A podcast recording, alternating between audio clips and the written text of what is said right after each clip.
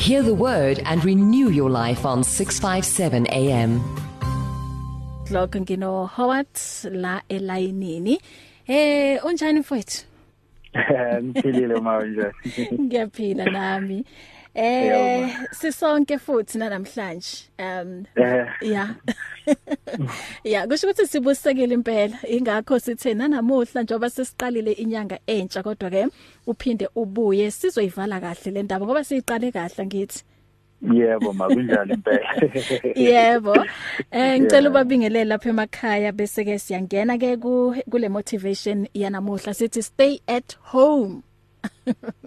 yeah. Yeah. yeah. Uh, ngaqala nje ngibingelela kakhulu nje abantu ukuthi abalaleli lo hlelo kuphela but they listen to you know radio pulpit as a whole and also nje um a lot of them bokuyukuthi they've been um very supportive as well from the first day show mm. um eqalile nalabo engazi ukuthi kuyimanje la bekhona balalele nje okuthi nje namhlanje kuzoba um uhlelo lethu lokugcina nje so yeah ngasho nje nami ukuthi um sibonga nje le opportunity ekhona ukuthi nathi sisho esisuke sikubona ukuthi mm. eh kufanele nje sikushe ebantwini ngalesikhathi samanje.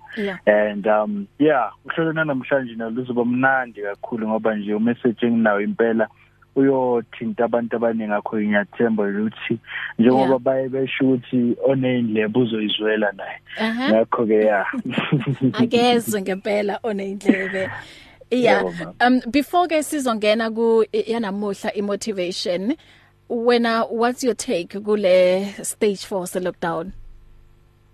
Yeah, I I think for me into esikhona manje especially um looking into kuyikuthi bengibhekele kakhulu was to hear on the the plans and what ama ministers of um both basic and tertiary education have been um, saying uh, with regards to how the school calendar will be um, rolled out going forward. Okukuthi nabo banaso kwamanje isiqiniseko sokuthi when exactly will the schools be open? But i think what is um, at stake iloko nje ukuthi they've made again a brave decision to not risk ukuthi ingane ngibuyele esikoleni okwamanje. So hoping ukuthi as um the levels decrease perhaps that would be in assurance ukuthi ke so ku safe manje ukuthi even the kids can uh, go back to school. But overall i think i have to you know comment also on how even uh the society at large has been very much cooperative. So i think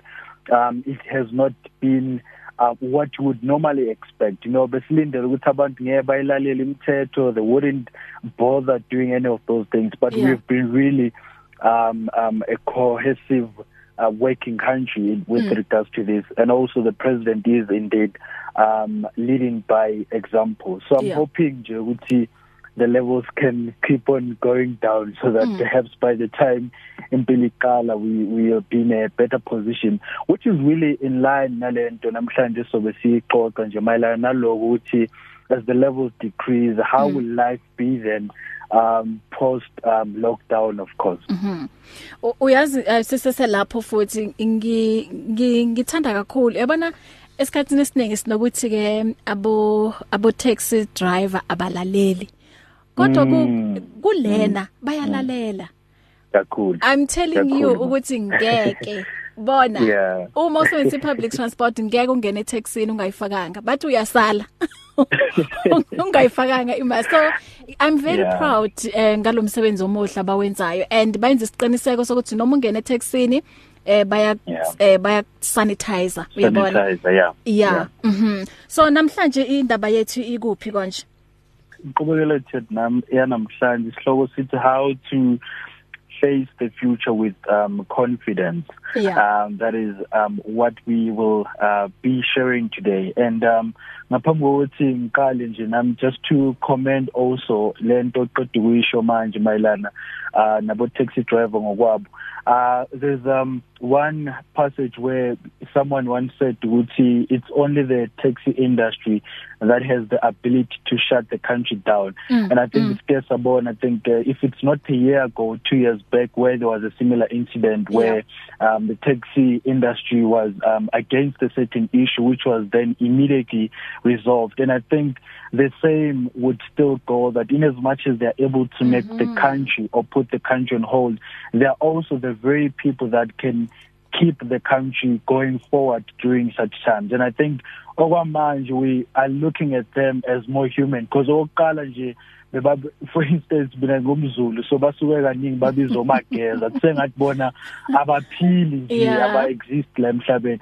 But now we have been shown with now these are people mm. and they are showing ukuthi indeed akukho la onganyakazi uye khona ezweni noma ikuphi uma ngabe ungasaligibelanga lelo teki so yeah. I think yeah it's it's it's great what uh, they have also shown because ibona abantu abaphethe umphakathi ibona abantu nje abaphethe zonke lezi so yeah that was just my comment on that so mm. to start off the the topic for today I would um start by uh, quoting uh, something that I personally wrote down by saying ukuthi uh, the greatest amongst us shall be those who have the courage to prepare in darkness and also be able to see the light at the end of the tunnel. And um, the reason for that statement is because there's a scenario that I once read where uh, during the Second World War, um, where the uh, the people, innocent people or ordinary people, were taken into camps, concentration camps, if um, one may call it, especially during the era of um, Adolf Hitler. And during that time, people were obviously in confinement, and people were put into places where they were forced to work, even when they were not really um, wanting to work. Most of them were forced laborers. Most of them, you know, the most um, of horrific incidents that happened at the time. Then there's a book uh, written by Victor E. Franklin where um, the book is titled Man Searches for Meaning.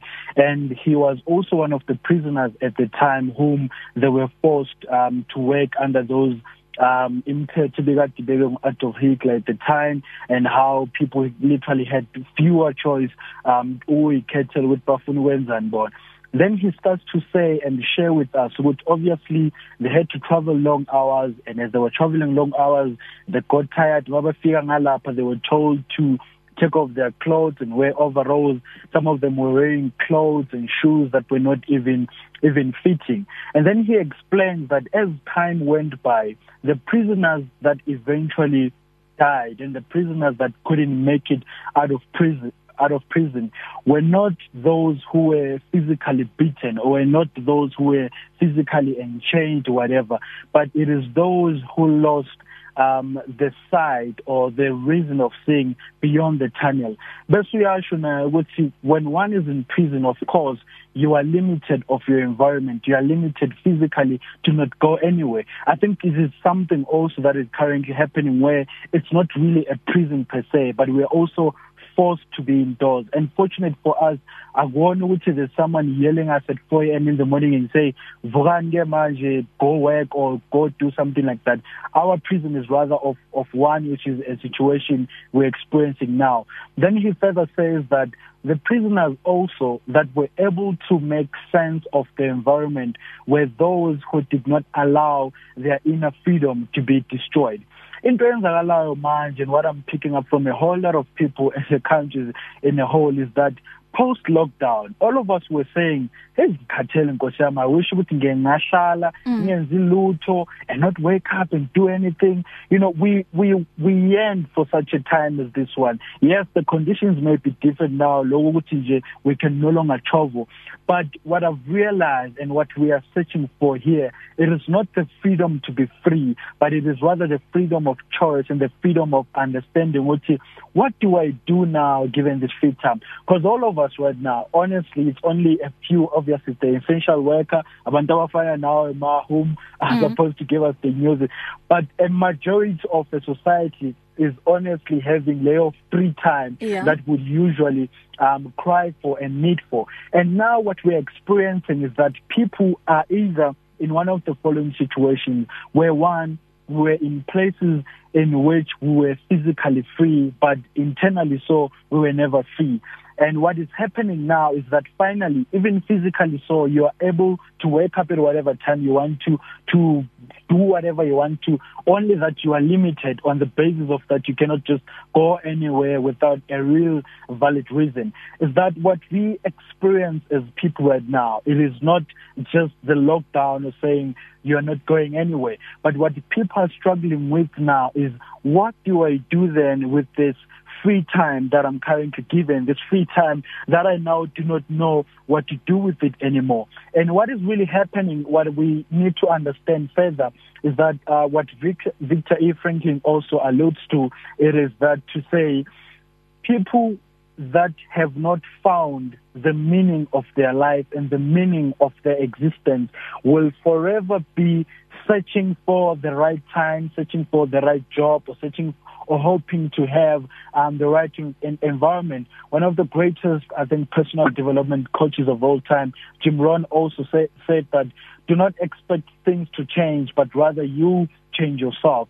And what is currently happening is that he also shares that until an individual or until a people as a whole have actually found meaning in yeah. the things that they are doing and in the things that in which they want to do, mm. they'll forever complain about wishing for a free time. Mm. So now then the question was brought to my attention, how do we then now face the future with confidence? Also keeping in mind that we have never, I think, lived in a time and era where life was certain, where life was really guaranteed with everything is going to go well and there's never there's never going to be um challenges or there's never going to be sufferings that people may experience.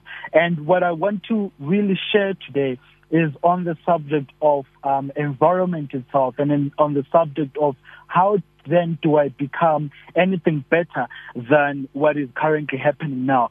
Because as we said, I think in the previous week or the previous weeks or so, Uguti, the people who will also manage to use this time effectively, one, either to fix their personal relationship with themselves, with close friends and family, and you know to be able to bond in brokenness as we were sharing the other day are the people that will use this time effective. So and then someone would then tell me what okay Howard here's the reality. I'm a single parent. I've just lost my job and I really now do not have you know I can't have or a saying in terms of this is how I think I'm going to to face the uh, the future with confidence. What is also happening is that we need to keep in mind that as a people and as um, human beings ourselves, we were never supposed to have only one thing in which we are solemnly dependent on for our survival. One thing would see you only trusting your one job as a source of income and that is how your whole life has been. So this is now an opportunity presented to us. With this free time, what do I think I also need to do better? Yes, one may be getting a job which was cover bills and what's so not, but furthermore, what else can give you meaning as as whether you're a parent, whether you are a student? Because also what is happening now is that a whole lot of people are struggling to, in a way, replace um, fear with faith. Because what's happening is that we are fully aware that life as we know it may never be what it used to be even if they were to say what sharp manje sesiqedile ngama levels let's go let's go back to normality i don't think ukuthi mangabe umuntu angakhwehlela or asinize eduze kwakho you feel free and be comfortable yeah. you know so this means ukuthi a, a part of our life maybe for a I don't know, for a few months or a few years may still require us to use the very same um, precautions that have been given out to us as people. And therefore, how then, still going back to my question, do I prepare myself better mm. for the future that is upcoming? Hear the word and renew your life on 657 AM.